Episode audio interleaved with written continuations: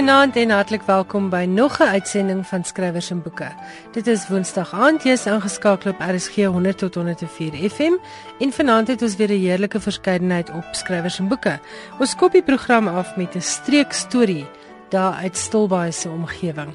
Later in die program gesels Suzette Kotse Meiburg met die bekende digter Daniel Hugo. Ek hoop jy geniet vanaand se program.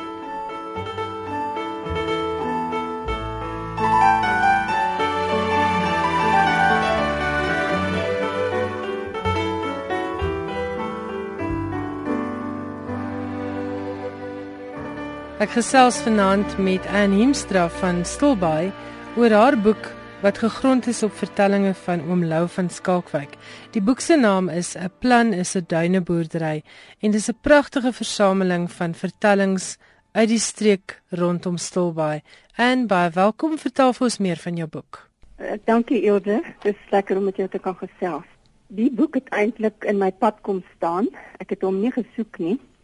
'n jarelange stilbaai vakansiehouer vriend van oom Lou, Ritstellebad, het van oom Lou se oorspronklike onthou stories onder oë gehad en besef dat daar behalwe vir die regtig kostelike en soms hartroerende stories ook taaljuwele in die verhaaltjies voorgekom het wat nie verlore mag gaan nie.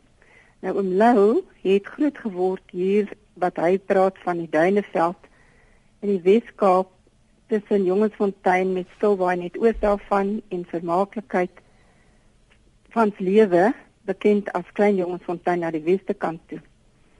En hy is in 1932 daar gebore en het tot so 20 jaar of wat gelede nog daar gewoon. En nou sê dis 'n wêreld wat diep in jou hart inkruip en wat ek steeds tot in my murgpyp beliefhet. My baie daai mug so lekker. As jy hom daaroor uitvra. Nou ja, hy het hierdie stories of staaltjies soos wat die ou mense genoem het, soos hy sê, sommer sulke hot en haar storieetjies opgeskryf oor jare met die hand. En op 'n stadium met sy kinders gesê, "Maar pa, ons moet hierdie stories wil ons hê." En toe sy vrou hulle oorgetik die stories en so het Rits eendag met die bondel stories hier aangekom in dik gedrukte boekies en vir my gesê ons kan nie hierdie goed laat verlore mag gaan nie. Kan ons iets daarmee doen?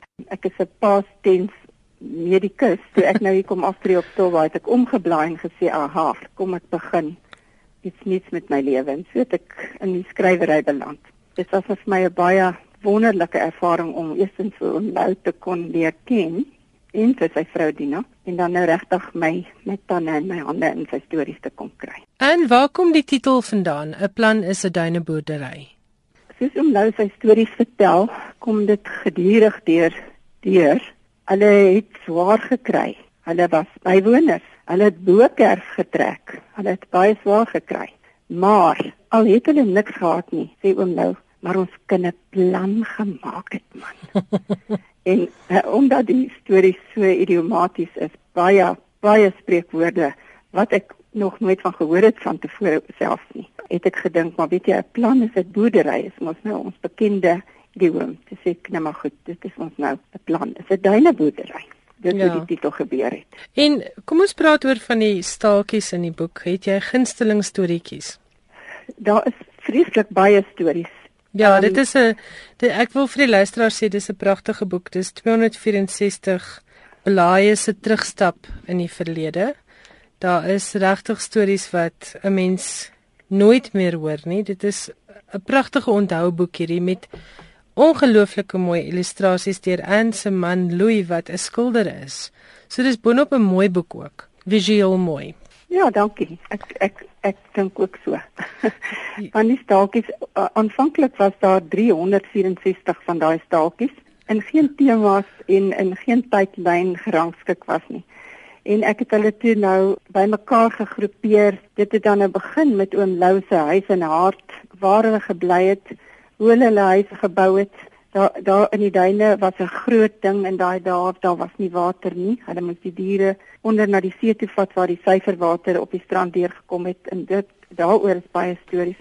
Maar hy sê daar was van die huise wat hulle met melk die dagga aangemaak het want daar was nie water nie en die die melk was so volop want elke plaas het sy eie deursie koetjie gehad. Sjoe. Dan is daar 'n paar baie lekker stories oor hulle kos en kougoed. Ons dink dis net vandag wat kos so groot storie is.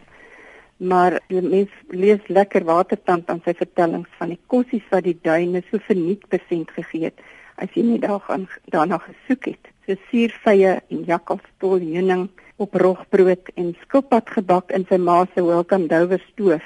Hy sê ma was maar lank tannerig daarvoor en van skilpad gaal, so het hulle te vertel wat mense baie mooi stem gee as jy dit eet. Ek sal eerder dan nou maar my eie stem hou baie dankie. nou sê hy het nooit 'n mooi stem gekry nie. en lammerstertjies wat hulle moes afsny en dan jy hulle gebraai en hulle peertjies wat jy moes uithaal voor hulle grootskaap gedagtes begin kry het. Grootskaap gedagtes, dis mooi.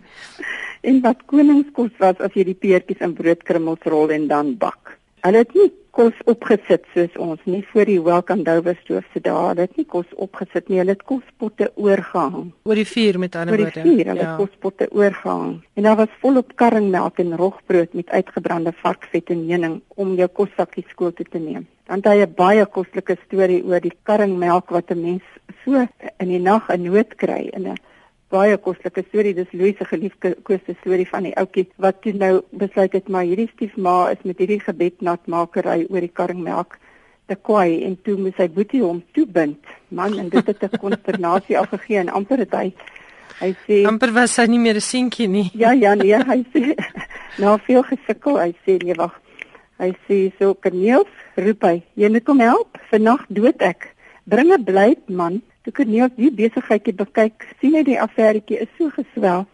Hy kan die lyntjie nie eens sien nie. Die boetie het nou die dingetjie met 'n lyntjie toegebind. Van binne wil die water uit en van voor is dit toegebind. Na veel gesukkel, want dit is mos 'n gevoelige plek, kry Corneels uiteindelik die lyntjie met die blyt. Dit was nogal 'n menorah deurgesny. Dit nadat hy Callie so hier en daar skrams raak gekerf het dat die bloed boonop nog loop. Jong, sê Callie, so verlig was ek in my lewe nog nooit nie. Siefmaal kan my liewe slat, maar toebind sal ek my nooit weer laat toebind nie. Amper was ek nou tot 'n Jood gemaak. ja. Nou daar's baie prettige stories, regtig snaakse stories. Soos mense wat my hier in die straat voorkeer en stilwaai en sê, weet jy, ek lag so in die bed, laat ek my man sê ek skud hom uit die bed uit. Maar daar's ook aan baie van hierdie stories 'n ondertoon van van swaar kry en van seer kry, maar uiteindelik kom oom Lou se ja, hy het 'n lekker woord, 'n koetjakmaker. Ja. Ek dink oom Lou was in sy jong dae ook so ietsie van 'n koetjakmaker.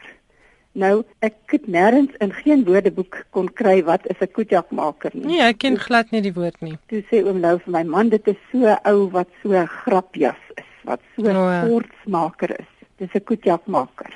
Die swaar kry het wonderlik verlig geraak op 'n manier toe uiteindelik die merinos die skape wat hulle hier gehad het in die merino wol se prys uiteindelik so gewees het dat sy pa uiteindelik na ek dink dit was iets so 37 jaar sy eie grondjie kon koop. En hy beskryf so mooi oor hoe sy pa op Eisendyk se stoep gestaan het. Eisendyk was na die plaas waar hulle as bywoners geleef het waar hy op die stoep gestaan het en so oor sy beeste, ag oor sy skapies uitgekyk het en hier hy sê hier staan ek nou en ek staan op my eie stoep en ek staan en kyk vir my eie skape op my eie plaasie. Maar daar weer was 'n hartseer dat sy pa toe nou 'n paar maande daarna aan 'n gebarste blinde darm oorlede is omdat die medies soos om nou sê daai dae was nou nie so hulpvaardig soos in dese dae nie. Die die kontrywoorde in die boek is vir my baie mooi. Jy het nou nou ook bokerf trek genoem vir swaar kry. Het jy 'n paar voorbeelde nog uit die boek van streekstaal uniek aan daai deel van die land waar jy woon? Ek praat byvoorbeeld van al hulle kaperjolle en sportmakery bo aan die lys was byvoorbeeld witklip wat hulle gestook het. Nou ek het al gehoor van witblits, maar ja. hier praat hulle van witklip. Oom Lou sê dis 'n harde baard stooksel van wingerdsap. Natuurlik onwettig en dit het baie sonde veroorsaak veral met die polismanne sê hy. Dink Karibier is uh, is 'n meer bekende een. Ja, dis mos heuningbier is dit nie? Ja, dit is 'n uh, eh, hulle maak dit van heuning en jongby. Jongby. En hy sê dan dan moet jy 'n bietjie karimoer daarin sit. Mm. Hy sê jy nou nie meer karimoer het nie, jy as jy stooksel klaar is, dan uh, het jy van hierdie karimoer laat droog word vir 'n plantjies, amper soos 'n suurdeeg plantjie hmm. wat jy nou volgende jaar weer gebruik, maar hy sê as jy nou nie daai karimoer het nie, dan gebruik jy gedroogde boesman vygie. Hy sê veral vir hier om die nuwe jaar. En dan het hy gepraat van hulle staan vuur. Jy kan lekker koes saam met hom teen sy winterweer en maak jy jou blou koue hande en boude warm by 'n brandgesteekte rietpol se staan vuur. Is baie dekriet hier in ons wêreld en um, as so 'n dekrietpol nou so 'n bietjie droog geword het en jy steek hom brand, dan staan jy by die vuur en dan het jy jou staan vuur. Hy praat ook van die mieliebol. Nou sê ek vir hom oom Lou, maar is dit nou soos 'n bol, soos 'n soos 'n dans? Hy sê nee man, dis 'n mieliebol. En uh, dis nou na die mielieoes wanneer hulle nou die die, die groot hoop mielies kom al die jongies jongetjies en die meisies van oor die kontry dan kom trek hulle nou die blare van die mielies los en dan maak hulle die mielies twee twee aan mekaar vas en dan word hulle oor die hanebalke opgehang. Ek het die woord ook raakgeloop vir my boek Onvertelde stories van Afrikaans het ek die woord gehoor by twee tantes wat naby wildernis groot geword het. Ja. Hulle het ook vir my vertel van hierdie tradisie en dis 'n groot bymekaar kom en dit ja. is inhaal op gesels en speel en oogies maak en alles. Dit is 'n sosiale geleentheid. 'n Kansie om 'n vrytjie te vang. Yes, ja. En 'n paar passies te skof. 'n Interessante ene wat ek ook nie in die woordeboek kon raakloop nie, was wat oom Lou noem 'n paskewil. Die naaste wat ek daaraan kon kom was 'n paskool. Ja. Maar oom Lou sê nee, dit was 'n paskewil wat jy op die lyf loop as jy nou veral as jy jou nou gaan kapsiener hou op 'n ander man se plaas. Nou kapsiener beteken jy het nou jou mond uit te spoel oor wat doen hierdie ou op sy plaas en wie's jy nou? Ja. Ek jou nou nie kom kapsiener hou op my plaas nie of 'n vrou sou vir 'n vir 'n ander vrou wat in haar huis wil kom die linne uitdeel sê oom nou. Moet jy nou nie kom kapsiener hou hier in my linnekamer nie. En dan loop jy nou 'n paskewil op die lyf. Is dit wat ja, jy sê? Ja, dan loop jy nou 'n paskewil op die lyf. Hy sê dit is 'n soort van 'n wraakbrief en dan het iemand nou een of ander onsinnige suggestie daarin geskryf wat jy so kripties was dat jy nou kon weet dit is nou op jou gemik dan word hierdie brief nou hierdie wraakbrief ergens aan die kraalhek opgehang of onder 'n klip neergesit naby jou huis. Oom Lou hulle het gepraat van 'n baskelis en as jy bietjie gaan soek dan kry jy ander woorde soos basilisk. Ja. Maar oom Lou het 'n baskelis wat uh, hulle hoenders en eiers was groot stories in hulle klein tyd. Hulle moes gaan eiers uithaal op die weg lê neste. En dit was maar 'n gevaarlike besigheid want daar's pofadders en daar's rooi katte en allerlei goed. En dan moet die kinders die eiers gaan uithaal en hy sê dan sa partykeer so 'n klein eiertjie wat tussen die ander eiers lê. En later van jare het hy nou uitgevind maar die klein eiertjie is nou maar een of ander hoender wat nou nou nie meer so kan produseer soos wat sy moet nie. Maar daai klein eiertjie het hulle gedink was 'n baskelusk eier Nou as jy nou die baskelis eier opgetel het, dan moet jy sorg dat jy met die baskelis eers sien. Want as hy jou eers sien, dan jy net daar dood neergeslaan. Ek kan miskien net hierso gou-gou vir jou sê, daar in die boot daar waar die finale proefleser was, het gesê die tekstel uitdagings. Ek het gou agtergekom, ek kan nie een woord se spelling vertrou nie. en dan lei hy 'n hele klomp woordeboeke wat hy moes nageslaan het en hy sê Jana liter het uh, gesê sy sy soek tekste om te gebruik in woordeboeke en hy glo dat heelwat taalontdekkings in hierdie boek gemaak kan word. Oom Lou het maandag verjaar en dit was sy 82ste verjaarsdag en ek sal sommer baie graag hierdie geleentheid wil gebruik om vir hom hier voor die volk te sê oom Lou baie geluk en baie seën en en dankie weer dat ek um, deel kon wees van hierdie wonderlike lewe van jou. Dit was Annie Hemstra van Stilbaai wat gesels het oor haar boek 'n plan is 'n duineboerdery en dis gegrond op die vertellings van oom Lou van Skalkwyk. Oom Lou van skrywers en boeke se kant af ook baie geluk. 'n Plan is 'n duineboerdery word uitgegee deur Hemel en See Uitgewers en kos R140. Dit is beskikbaar by enige goeie boekhandelaar en as hulle nie 'n voorraad het nie, vra dat hulle vir jou moet bestel want daar is binnekort 'n tweede druk. Nou eers 'n bietjie terugvoering oor verlede week se program. Aan almal wat gereageer het op die vraag of jy eers die boek wil lees of jy eers die film wil sien, baie dankie vir julle SMS'e. Ek het hier uh so een of twee wat ek wil voorlees. Hallo Ilse, definitief die boek eerste. Ek is 'n totale boekwurm en verloor myself in 'n boek. Dis baie min dat ek die fliek na 'n boek gaan kyk. Ek voel my gedagtes loop weg van wat op die skerm aangaan. As ek 'n keuse moet maak tussen 'n boek en 'n film, wen die boek Loshande. Baie dankie vir 'n genotvolle program elke Woensdag aand. Baie groete Kitty Dam. Iemand het gesê baie dankie dat Leon die ateljee gas kon wees. Ek trek op bladsy 80 van sy nuwe boek Aangename boeiende skryfstyl en hy hou my aandag. Leon het weer 'n wenner met belade vir 'n enkeling. Wat 'n aangename persoon en 'n pyk ateljee gas. En so skryf Lin op ons SMS-lyn. Madeleine het geantwoord: "’n Mens se verbeelding is baie groter as wat enige fliek ooit sal kan skets. Verseker, lees ek eers die boek." Marlene het ook gesê: "Altyd die boek eerste en selde die film, want die film loop gewoonlik op 'n teleurstelling uit." Dit dan wat verlede week se SMS'e aanbetref. Hierdie week wil ek weet van watter genre wil julle meer hoor op skrywers en boeke of watter skrywers? Laat weet vir my gerus by 3343 Elke SMS kos R1.50 en gratis SMS se tel nie. Vanaand se vraag is dus: van watter genre van die letterkunde wil julle meer hoor op skrywers en boeke? En laat weet ook sommer wie is julle gunsteling skrywers in hierdie genres. Nou is dit tyd vir 'n baie lekker onderhoud wat Suzette Kotse Meiburg in Kaapstad gevoer het met Daniel Hugo. Nou Daniel het baie min bekendstelling nodig. Hy is 'n bekroonde digter en vertaler en 'n man wat baie gedoen het vir Afrikaanse letterkunde. Suzette Kotsemeiber gesels in Kaapstad met die digter Daniel Hugo. Welkom Daniel. Jy's nou sekerlik die een mens wat geen bekendstelling op hierdie program nodig het nie. Ja, baie dankie Suzette. Nou, soos die ou mense sê, mense moet dan nou eers 'n bietjie groet en na die welstand verneem. Ek hoor jy's deesdae 'n plattelander. Ja, ek woon deesdae op Prins Albert of so tussen Prins Albert en Kaapstad. En uh, ek moet sê ek geniet die rustigheid daar ja. Maar jy's sekerlik nog steeds werkend met boeke al die pad. Ja, ek is nog altyd besig om te vertaal en te redigeer, maar nou as 'n vryskut. Ek is nou nie meer voltyds by Protea Boekhuis nie. Ja. En uh hierdie bundel is deur Protea uitgegee. Was dit jou inisiatief aangesien jy al 'n lang pad met Omar Kayam saamkom of was dit Protea se versoek? Nee, hierdie was uh, my my uh, versoek versoek gewees ja. Die ander vertalings wat ek doen is was natuurlik altyd 'n opdrag van Protea en dit was meestal vertalings uit Nederlands. Hierdie is dan nou uit Engels, maar ek is nou al sedert 1976 deurmekaar met Omar Khayyam, as jy mens dit sou kan noem. Ja. Ek het hom leer ken daar in my 4de jaar op universiteit op Stellenbosch en uh, was toe al gefassineer en het toe al begin vertaal. Ja. So los en vas.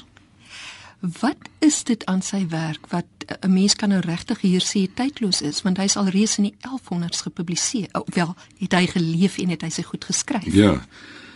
Wel, hy het 'n soort hedonistiese lewensfilosofie wat uh, sekerlik vir jong mense aanspreek want jong mense is baie bang dat hulle sal doodgaan voordat hulle die lewe ten volle geniet het. en dit is wat Ouma Kayam sê, jy moet die lewe ten volle geniet want niemand weet eintlik wat na die dood vir hom wag nie. Ja. En hoe geniet 'n mens die lewe volgens Kayam? Deur wyn te drink, deur gedigte te lees en deur lief te hê. Ja, dit is inderdaad 'n baie mooi lewensfilosofie. Ja. Nou dit uh, klop nie altyd met die Christelike lewensfilosofie nie. En uh, daar was dan ook al heelwat reaksie vanuit die Christelike kant op Kayam, hoewel Christene hom ook graag lees want die die gedigte is so oorrompelend veral in die vertaling van Edward Fitzgerald. Ja. Want ek dink dat Fitzgerald se kwatryne is boeiender en uh, treffender as die oorspronklike Persiese kwatryne waaroor ek nie kan oordeel nie want Ja. ek kan nie Persies lees nie. Ek het uh, Kayam leer ken eerste jaar op universiteit en nog die Langehoven vertaling. Ja. Maar ek onthou in daai jare van my lewe, dan kom jy by in mense se huise en dan is daar nou nie eintlik baie boeke nie. Daar's so 'n klein boekrakkie met so 'n paar boeke. Maar feitelik sonder uitsondering was Kayam een van daardie, Ja. die Rubaiyat was een van daardie boeke. So dit het duidelik vreeslik inslag gevind ook by Afrikaanse Ja, mense. absoluut. En uh, Langehoven se vertaling het 10 jaar uh, verskyn voordat die Bybel in Afrikaans verskyn het. Langehoven se was van 1923 en die Bybel van 1933. 33, nee. Langehoven het 'n lang uiteensetting in sy inleiding tot sy vertaling van waarom dit geregverdig is dat 'n Christen hierdie gedigte mag lees en dit is nogal 'n baie interessante verduideliking wat hy daar gee. Hy sê Kayam oordryf hierdie lewensingesteldheid, hierdie hedonistiese ingesteldheid in so 'n mate dat die leser later besef nee, kyk, dit kan nie die enigste doel van die lewe wees nie, daar moet 'n ander doel wees. en dan sê Langehoven baie godlonaars het waarskynlik al tot bekering gekom deur hierdie kwatryne van Kayam. Nou ja, dit is baie lekker dat uh, jou uh, bundel bestaan uit die Fitzgerald aanhaling gevolg deur die Afrikaans. En die Afrikaans maak dit wonderlik toeganklik en dit is ook vir die persoon wat daaraan belangstel 'n uh, jy weet 'n fantastiese oefening in in in taalvergelyking en ja. in vertaling vergelyking. Die het jy baie probleme ondervind met die vertaling?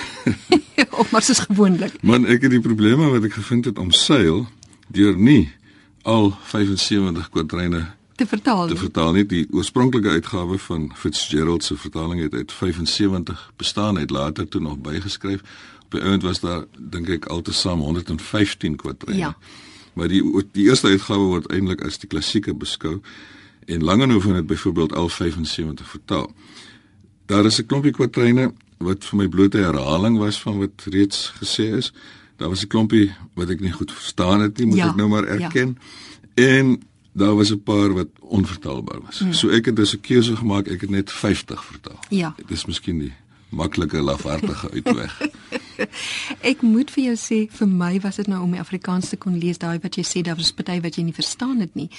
Ehm um, so ek nou gesit het met die Fitzgerald soos jy weet op skool met Shakespeare. Ek het altyd daai die teenblad met al die gewone Engels het ek gelees in plaas van Shakespeare se Engels want dit is vir my net te ontoeganklik geweest. Ja, dis nou die Victoriaanse Engels, maar uh, die probleem lê nie so seer by die taalgebruik nie, maar soms by die beelde wat gebruik word en daar's geweldig baie gepubliseer oor Kayam en ja. Fitzgerald se vertaling.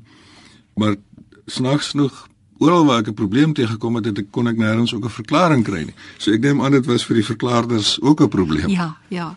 En dit is vir my so interessant.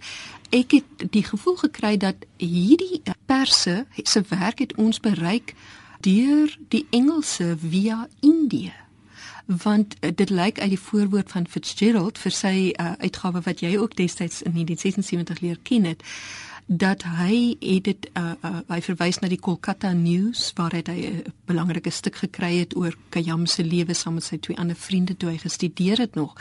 En dit was nou vir my uh, jy weet soos 'n hele stukkie geskiedenis wat jy amper kan volg, ehm um, 'n letterlike geskiedenis, taalgeskiedenis, kulturele geskiedenis via Victoriaanse Engels ja. wat wat uh, sy bundel kom uit 1859 Fitzgerald se en dan vertaal jy dit nou hier in vandag se Afrikaans in en dis 'n wonderlike lang spoor.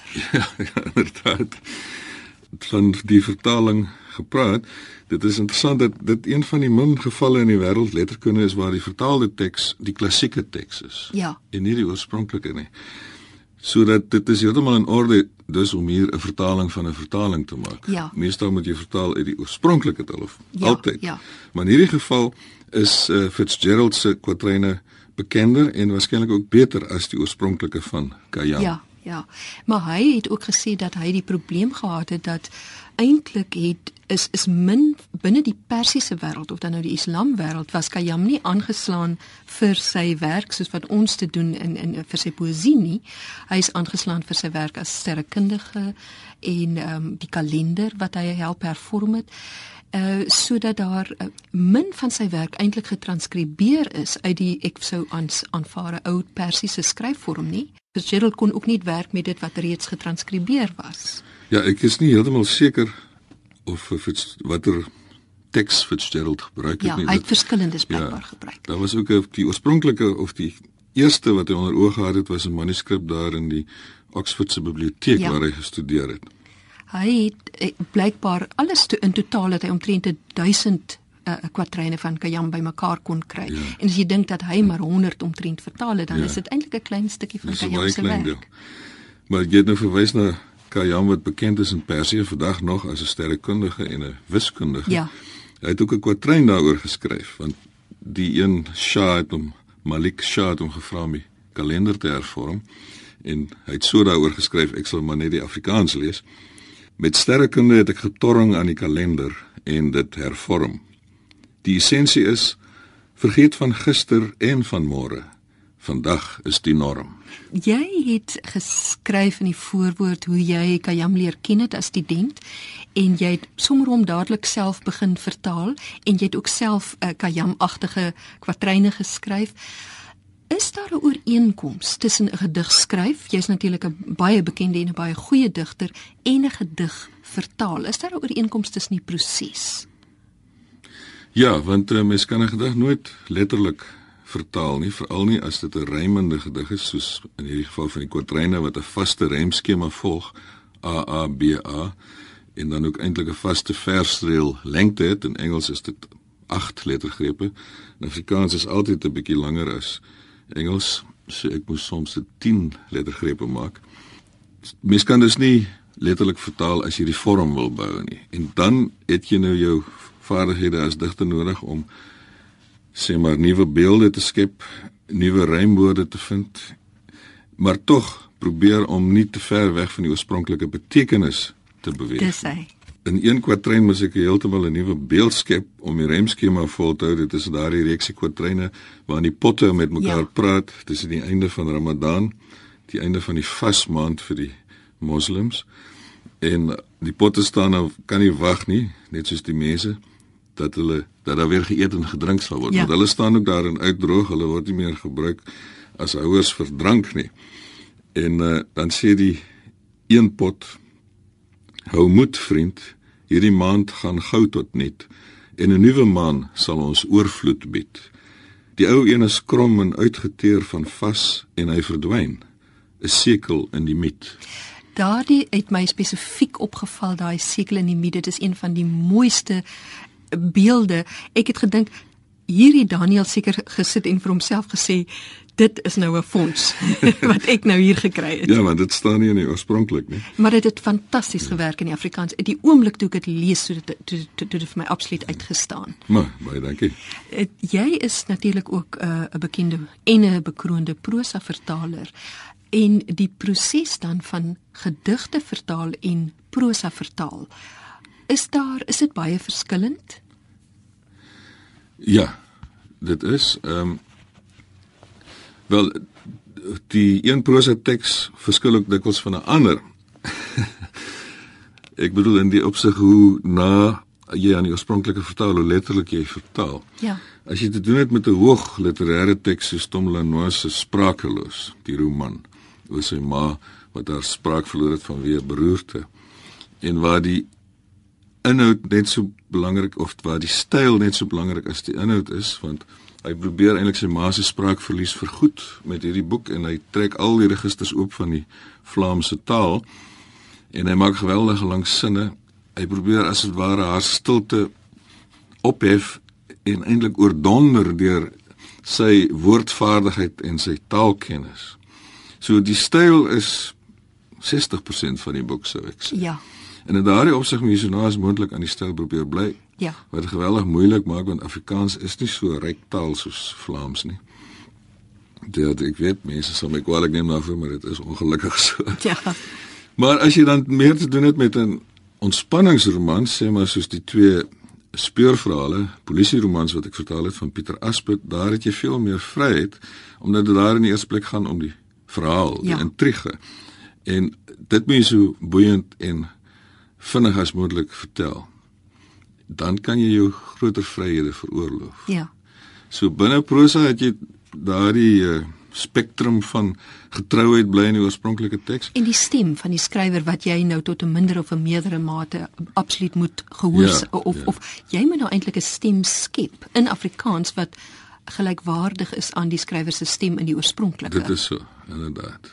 En by 'n hoogs literêre boek is dit nog belangriker as by ontspanningsboek sal. En veel moeiliker. En moeiliker. nou wat die poesie betref, daar het jy ook grade. As jy met uh, formele gedigte te doen het, soos hierdie kwatryne, is dit moeiliker om by die oorspronklike te hou. As jy met vryer verse te doen het, sê maar soos die van Miriam van Heer of Rutger Kopland, kan jy ook eintlik te kan jy nader aan die oorspronklike bly. Ja.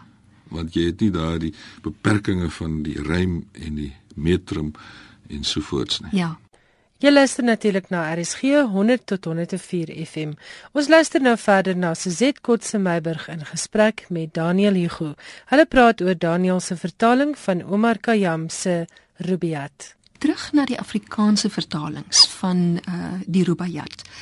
Uh vertel 'n bietjie meer want dit is ook 'n interessante geskiedenis. Ja, daar's ses vertalings gedoen. waarvan 5 volledige vertalings is. Die ander een is van uh, Leipold, Siloy Leipold wat net 'n enkele kwatryne vertaal het en dit het ook eers na sy dood verskyn.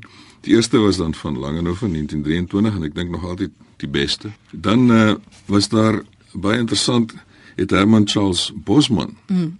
ook die uh, kwatryne vertaal, maar naamloos. Maar Jesse Kannemeyer, die literatuurhistorikus, het kon naspeur dat dit Herman Charles Bosman is. Dit is nie goed nie, moet ek mm, sê. Mm. Wel, hy is immers 'n prosa skrywer. hy is 'n prosa skrywer en in die eerste blik ook 'n Engels 'n Engelse skrywer en nie 'n Afrikaanse skrywer nie. Dan was daar uh, Ingrid Jonker se pa. Ja. Abraham A. Jonker. Die onherwinbare hede het hy sy vertaling genoem. Dit het in 1950 verskyn. Die interessantste van die lot is waarskynlik die van DB van Soelen wat nie net die oorspronklike Fitzgerald vertaal het nie, hy het ook nog vertalings gedoen van sekere van 'n sekere Duitser se vertalings. Ja. En dan het hy nog 'n Christelike antwoord geskryf, ook in kwatreinvorm. Hierdie was 'n belangrike saak. ja.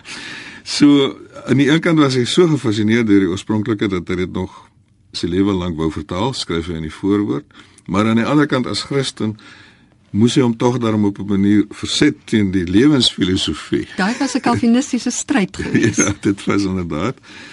En uh, dis interessant dat hy dan nou die bekendste kwatryn van Kayam soos vertaal deur Fitzgerald uh, gaan so in Engels sal ek dit nou eers lees.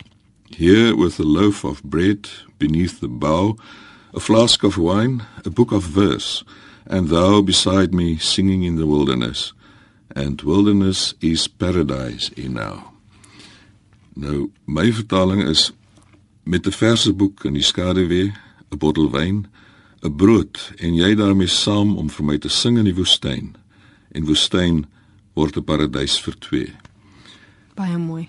Dan is van Soelen se Christelike antwoord daarop klink dan so.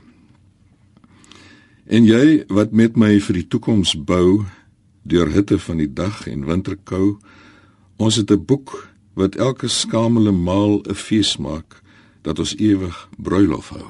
So die geliefde word die getroude vrou, die boek word die Bybel, die die wyn en die brood word dan waarskynlik die nagmaal. Ja, ja. Dit klink 'n bietjie soos die bokkerspronge wat daar uh, vroeër jare altyd gemaak is rondom Hooglied ehm ja. binne die Christelike tradisie wat wat niemand dit eenvoudig as absolute pragtige liefdespoesie ja, nee, kon kon lees. gelees word, ja. Inderdaad. En uh, wat interessant is is dat Leipold se vertaling van hierdie kwatryn. Nou ons weet wat Leipold se seksuele oriëntasie was en dit kom baie duidelik ja. voor uit sy vertaling. Met jou ou vriend alleen in die woestyn, met jou 'n goeie boek 'n drankie wyn, dan word die woestynny 'n paradys van lewenskleur en lewenssonneskyn. Genigtig daai laaste reël wyk hy daarom kwaai af. ja, en die meisie word 'n ou vriend. Ja. En die Book of Verse word 'n goeie boek en die flask of wine word 'n drankie wyn.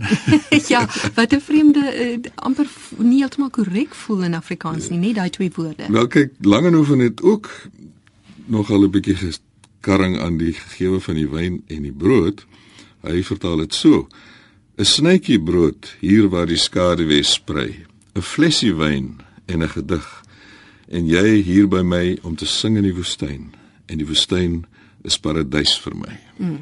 So 'n flesie wyn en 'n snytjie brood. Dit is alles baie sober ja. en en tog Langehoven was was ook 'n man wat meer van die vlees gebruik gemaak Natuurlijk, het. Natuurlik, inderdaad. En so so so dat hy op 'n plek verkeerd vertaal het omdat hy die woord gin het hy gedink is jenever terwyl in die Victoriaanse of ou Engels is gin 'n valstrik. So in een kwatryn word daar gepraat van God wat die mens met with pitfall and with gin beset the road I was to wander in. Het hy vertaal met uh, uh, nie met 'n valstrik of 'n wip nie, maar met U het met valstrik en met drank. so 'n bietjie van 'n Freudiaanse glips daar ja, amper. Ehm uh, um, en sê vir my toe jy nou vertaal het, het jy ook na die Afrikaanse vertalings gekyk vir hulp sien nou maar. Man, net as ek regtig nie verder kon nie. Ja.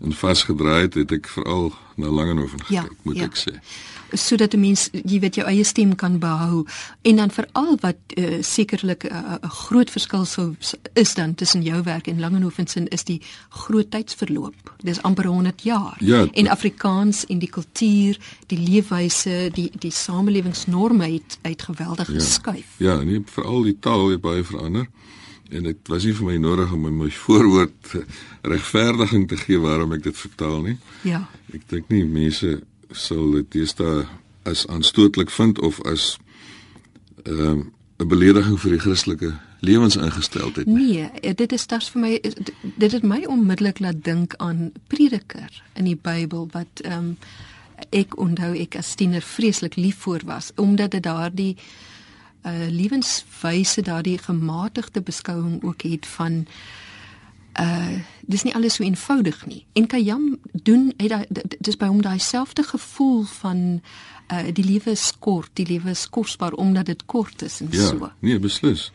Ja, hy's nie sinies nie, sekerlik nie. Nee. Nee, hy sê juis, geniet die lewe. Maak die lewe vir mekaar aangenaam. Ja. ja. En hy uh die die erdepot uh stukke dit herinner ons ook aan 'n deel in die Bybel, is dit Jesaja, die die beeld van die pottebakker. Dit mag wees, dit mag wees ek het uh, te lank laas Jesaja gelees moet ek sê. dit is 'n uh, eh, ehm um, jy weet nog 'n beeld dink ek ook dan wat mense uit die Christelike tradisie uit dan uh, mee kon identifiseer want daai is 'n is 'n baie bekende beeld van God as die pottebakker en die mens as die klei. Ja. Daai is ook pragtige gedigte, daardie die die pottebakker se reeks. Ja. Dit daardie reeksie word voorafgegaan deur 'n ander gedig waar hy vertel dis nou Kayam aan die woord via Fitzgerald via Hugo. Skemeraand het ek ledig op die mark gestaan. Gekyk hoe die pottebakker die nat klei slaan. En saggies het ek dit sonder tong hoor prewel. Versigtig broer, jy sal ook nog tot klei vergaan. Dit is 'n baie baie mooi vertelling en Fitzgerald is op sy eie manier ook baie mooi lees hom ook sommer. Man, ek sal my bes doen onthou ek het in Windhoek groot geword. ek verstaan Daniel, ek het in Makwaland groot geword. For in the marketplace one dusk of day I watched the potter thumping his wet clay. And with its all obliterated tongue it murmured, Gently, brother, gently, brother, gently pray. Nou, dis nou interessant hierdie filosofie dat die mens is gemaak, dit klei dit lees ons ook in die Bybel natuurlik. Ja. en uh, daar en die mens gaan terug tot die aarde. Daarom moet dit moontlik wees dat klei kan praat. Ja. Dis die klei is eintlik besiel. Uh Daniel, om ons baie lekker gesprek af te sluit, uh dis so 'n mooi boek uh, van die omslag af. Voel 'n mens dat jy 'n uh, kunswerkie in jou hand hou met hierdie pragtige oud Iranese uh, skildery of tekening en dan al die geometriese patrone, die ja. illustrasietjies wat natuurlik volgens die Islam tradisie is, mag hulle mos nie uh, mense afbeeld nie soos al die mooi geometriese patrone. Ja, daarvoor moet ons uh, Hanlie Duisel bedank. Dis baie baie mooi gedoen. Van Protea Boekhuis, dit was haar ontwerp. Ja. En dit is dis nie soos me, jy weet dit gebeur min deesdae dat mense boeke in jou hand hou wat voel vir jou soos 'n soos 'n klein kunswerk. En jou vertaling nou in Afrikaans, dis hoogtyd om af te sluit. Lees vir ons nog so net so 'n paar van jou gunstelinge. Ja, daar's twee waarna duwe voorkom. Mm -hmm. En uh ek gaan dan nog eers die ene lees. Dit is nogal een van die kwatryne wat uh, uh Fitzgerald later geskryf het wat nie in die oorspronklike eerste uitgawe staan nie. Ag, lawe tog my ou en moe lyf met die vog van die onsterflike druif. Maak sy blare my doodskleed en begrawe my dan onder die gekoer van 'n duif. Ag, mooi. En die ander ene, daardie paleis met torings wat die hemel soek, waar sultans daagliks gebid het en soms moes vloek. Ek het 'n lagduifie daar alleen sien sit en kuruk kuruk roep sy. Kuruk kuruk. En dan 17 sê jy? Ja, ek kom uit 'n pastorie, so hierheen het beson, in besonder tot my gespreek. My pa was 'n predikant. Toe ek jonk was, het ek graag gaan luister hoe dokter en dominee oor duister dinge redeneer. Nou is ek grys en die ware weg nog altyd byster. Egte Daniel Hugo. Baie dankie Daniel, dit was regtig heerlik om jou weer op die program te hê. Dankie Suzette. En so gesels Suzette Kotse Meiburg en Daniel Hugo.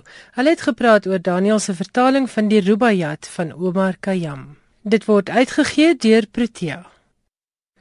Net weer 'n herinnering aan finansie luisteraarsvraag. Laat weet vir ons van watter genres jy meer wil hoor op skrywers en boeke en laat weet ook sommer van watter skrywers jy meer wil weet. Die SMS nommer is 3343 en elke SMS kos R1.50. As jy 'n deel van finansie program misgeloop het en jy wil weer luister, onthou dit is onder potgoeie op ons webwerf by www.rsg www.co.za en gaan deur die lysie onderskrywers en boeke. Daar's dalk net iets wat jy vir jou leeskring kan gebruik, want ons gesels hier met die kenners.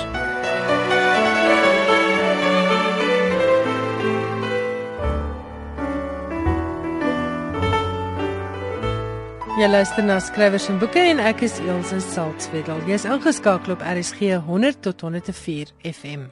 Ek gesels vanaand weer met 'n ou bekende by skrywers en boeke professor Andrius Visasie van die Universiteit van Pretoria se departement Afrikaans.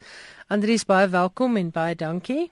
Dankie Ilse. Ons praat vanaand oor 'n boek waarvan jy mede-samesteller was saam met Judith Cowley. En die boek is Auntie Krog and Ethics of Body and Otherness. Nou vertel 'n bietjie hoe het hierdie samestelling gewerk? Ja, die die boek is 'n uh, akademiese boek en dit bestaan uit 'n uh, aantal opstelle oor Antjie Krog se werk wat geskryf is deur 'n groot aantal akademici van verskillende universiteite ook uit die buiteland. Ek en Judith Kelly is die redakteurs, maar ons het ook self bydraes gelewer, hoofstukke help skryf uh, aan die boek. Die idee het 'n uh, hele paar jaar gelede al ontstaan toe ek en Judith Kelly by die Universiteit van KwaZulu-Natal destyds besluit het om 'n spesiale uitgawe van die literêre tydskrif Current Writing saam te stel oor Antjie Krog se werk. En ons het toe baie goeie bydraes ontvang vir daardie uitgawe van Current Writing. En toe op die idee gekom het dis eintlik Judith Kelly se blink idee om 'n boek saam te stel wat bestaan uit die beste voorleggings wat ons ontvang het vir die tydskrif uitgawe en ons het toe 'n paar ander akademici genader om saam te help skryf aan die boek om 'n paar gate op te vul wat ons gesien het aanwesig was in die tydskrifuitgawe. So die lesers wat hierdie boek aanskaf, 'n goeie oorsig oor Antjie Krog se volledige werk sal hê. En ons het dit heel doelbewus so beplan dat dit nie net weer gaan oor een aspek van Antjie Krog se werk nie, want so dikwels in Afrikaans word daar amper uitsluitlik gefokus op haar werk as 'n digter. In Engels is sy nou weer bekend meer vir haar boeke Country of My Skull, A Change of Tongue, Begging to be Black. En ons het besluit om haar prosa, haar poësie te dek, maar om ook ander aspekte van haar werk te gaan verken. Haar werk as vertaler is baie belangrik. Ons het 'n hele paar goeie bydraes ontvang van oor Antjie Krog se werk as vertaler.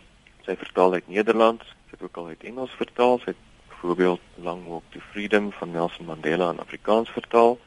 En sy is natuurlik ook 'n bekende openbare intellektueel 'n meningsvormer. 'n Meningsvormer. Ja. ja. En haar werk dek met ander woorde 'n wye spektrum. Enigste aspek wat ons omtrent nie in die boek ingesluit het nie, is haar werk vir kinders. Sy het ook poësie vir kinders geskryf. So dit is 'n redelike omvattende studie oor haar werk nie net as skrywer nie, maar ook op ander gebiede. Hoekom 'n Engelse boek oor 'n Afrikaanse skrywer? Baie goeie vraag. Judith Kelly het gevoel dat Antjie Krog se werk is baie redelik goed verken en beskryf al in Afrikaans want daar is al twee Afrikaanse boeke oor haar werk seer en die heel jongste ene uh, in Afrikaans is die boek wat Louise Viljoen in 2009 gepubliseer het ons ongehoorde soort beskouings oor die werk van Antjie Krog en daar's nog 'n ouer een ook van Pieter Konradi. Uh, maar daar's nog nooit 'n uh, enkele boeklengte studie oor Antjie Krog se werk in Engels gepubliseer nie alhoewel Antjie Krog natuurlik ook baie in Engels publiseer want sy sê jy kan haar nie werklik uh, beperk tot een taal meer nie. Van haar werk is uitsluitlik in Engels uh, beskikbaar, soos The Country of My Skull wat ehm um, ook haar groot internasionale deurbraak was in die Engelssprekende wêreld. En ons het toe besluit dat dit tyd is dat uh haar werk aan 'n Engelssprekende gehoor op 'n meer gekonsentreerde manier bekend gestel moet word in 'n boek. En sê vir my, jy het nou gepraat van 'n hele klomp aspekte van haar werk. Waaroor het jy spesifiek geskryf? Ek het geskryf oor haar werk as vertaler. Sy ehm um, het al 'n jarelange vriendskap en samewerkingsverhouding met die Vlaamse skrywer Tom Lanois, wie se werk my ook baie interesseer. En sy het 'n hele paar jaar gelede een van sy dramas, Mama Medea, in Afrikaans vertaal. En sy het dit op 'n baie energieke manier gedoen want sy het dit reg gekry om Tom Lanois se drama wat in Vlaams en in Nederlands gepubliseer is op 'n bevredigende manier in Afrikaans vertaal te kry. Nou ja, hoe vertaal jy twee verskillende variëteite van dieselfde taal in 'n ander taal? Dis baie moeilik dink ek om uit Vlaams te vertaal. Ja, en die drama van Lanois is nog in Jambiese metrum geskryf gedeeltelik en Antjie Krog het uh, toe interessante gevind hoe om Afrikaanse dialekte te gebruik. Selfs die Engelsikaans of Eng Afrikaans wat uh, veral jonger mense baie graag gebruik, het sy ook 'n plek gegee in hierdie uh, drama. Sodat die teks eintlik uh, ook vir die Afrikaanse leser 'n uh, herkenbare teks is, maar sy het tog reg gekry om iets van die vreemdheid, iets van die andersheid van die oorspronklike teks van Tom Lanois te behou, sodat jy nie die idee kry dat jy net hier 'n uh, Afrikaanse teks het sonder vreemde herkoms nie. En dan het ek ook die inleiding tot die boek geskryf. My mede-samesteller Judith Cowley het twee hoofstukke geskryf, die een oor Country of My Skull en dan ook 'n hoofstuk oor haar boek There Was This Goat wat sy ook na aanleiding van die Waarheids- en Versoeningskommissie saam met twee ander skrywers geskryf het. Baie dankie Wit bygedra tot hierdie bundel. Ons is baie bly dat uh, van die voorste kenners oor Antjie Krog bydraes gelewer het en ek dink een van die heel voorste kenners van Antjie Krog se werk is seker Louise Viljoen en sy het twee baie mooi bydraes geskryf oor Antjie Krog maar ons het ook 'n hele paar buitelanders wat besig is met Antjie Krog se werk in in in Kanada en in Amerika wat bydraes aangestuur het. Susan Speary van die Brock Universiteit in Kanada het 'n baie interessante stuk geskryf oor die uitdagings wat sy gehad het om in Kanada Antjie Krog se werk vir studente te onderrig. Ja, want ek dink dit is twee verskillende wêrelde. Ja, Kanada wat in die onlangse geskiedenis 'n meer vredesame geskiedenis het. Dit was vir die studente 'n moeilike uitdaging om 'n boek soos Country of My Skull wat gaan oor die Waarheids- en Versoeningskommissie te moes lees. En Kim Rosten van Amerika uh, ook oor Country of My Skull geskryf en dit is dit is tog maar die boek van Auntie Krog wat nog die grootste bekendheid het in die Engelssprekende wêreld. Andries, vir wie is hierdie boek? Ja, die boek is veral nuttig dink ek vir akademici en studente. Maar selfs uh, goed belese lesers wat hou van 'n intellektuele uitdaging, sal die boek geniet. Want daar's ook ligter bydraes of bydraes wat meer toeganklik is, sou ek sê, soos byvoorbeeld die interessante onderhoud wat Iliana Dimitriou met Antjie Krog voer in die boek. Dit is 'n afsonderlike hoofstuk, 'n baie lang onderhoud oor haar werk as vertaler. Ja, dis 'n ligter aanslag wat in daardie onderhoud byvoorbeeld gevoer word. Maar dit is maar meestal 'n boek vir akademici, vir vir studente. En die boek het verskyn by EKZN Press met ander woorde die Universiteit van KwaZulu-Natal se uitgewery. Dis beskikbaar by enige goeie boekwinkel het jy gesê. En as mense dit nie daar kry nie, kan hulle vra dat dit bestel word of hulle kan dit self bestel by Kalahari teen 'n verkoop aanbevole verkoopsprys van R365. Ja, en die boek spog met 'n baie mooi illustrasie op die voorblad van Claudette Skreders. Ek het gesels met professor Andrius Visasie van die Universiteit van Pretoria se departement Afrikaans. Ons het gepraat oor 'n boek waarvan hy mede-samesteller was. Dit is die boek Auntie Krog and Ethics of Body and Otherness en hy het dit saamgestel saam met Judith Cowley. Die boek kan by enige goeie boekwinkel bestel word en word uitgegee deur UKZN Press. Dis ongelukkig alwaarvoor ek vanaand tyd het. Die tyd is altyd te kort as 'n mens skrywers en boeke moet saamstel. Baie dankie vir die saamluister. Jy luister natuurlik na RSG 100 tot 104 FM. En jy moenie weggaan nie. Die res van vanaand het nog heerlike musiekprogramme. Volgende week is ek terug met skrywers en boeke weer tussen 8 en 9 volgende Woensdag aand. As jy 'n deel van vanaand se program misgeloop het, onthou dit is beskikbaar onder potgoeie op ons webwerf by rsg.co.za. Stuur gerus 'n uh, e-pos na skrywers en boeke by rsg.co.za of stuur vir my 'n SMS na 3343 en elke SMS kos R1.50. Ek het verlede week gesels met Ansel Coulson oor die Noord-Kaap leesprojek en ek het daarna heelwat navrae gekry oor haar telefoonnommer In geval jy dit ook misgeloop het en daar boeke op jou rak is wat jy vir Ansel se leesprojek wil skenk, haar nommer is 083 704 0221. En ek het ook verlede week 'n dokumentêr gehad oor die boekprogram in Suid-Afrikaanse tronke. Dit word genoem Reading for Redemption. En as jy boeke vir daardie projek wil skenk, kan jy skakel met Sari Peens. Haar nommer is 082 331 3556 082 331 En as jy die dokumentêr oor Reading for Redemption, die boekprogram in Suid-Afrikaanse tronke misgeloop het, dis ook beskikbaar as 'n potgooi hier op RSG. Nou ja, daarmee is die tyd amptelik om. Geniet die res van vanaand se programme en lekker slaap.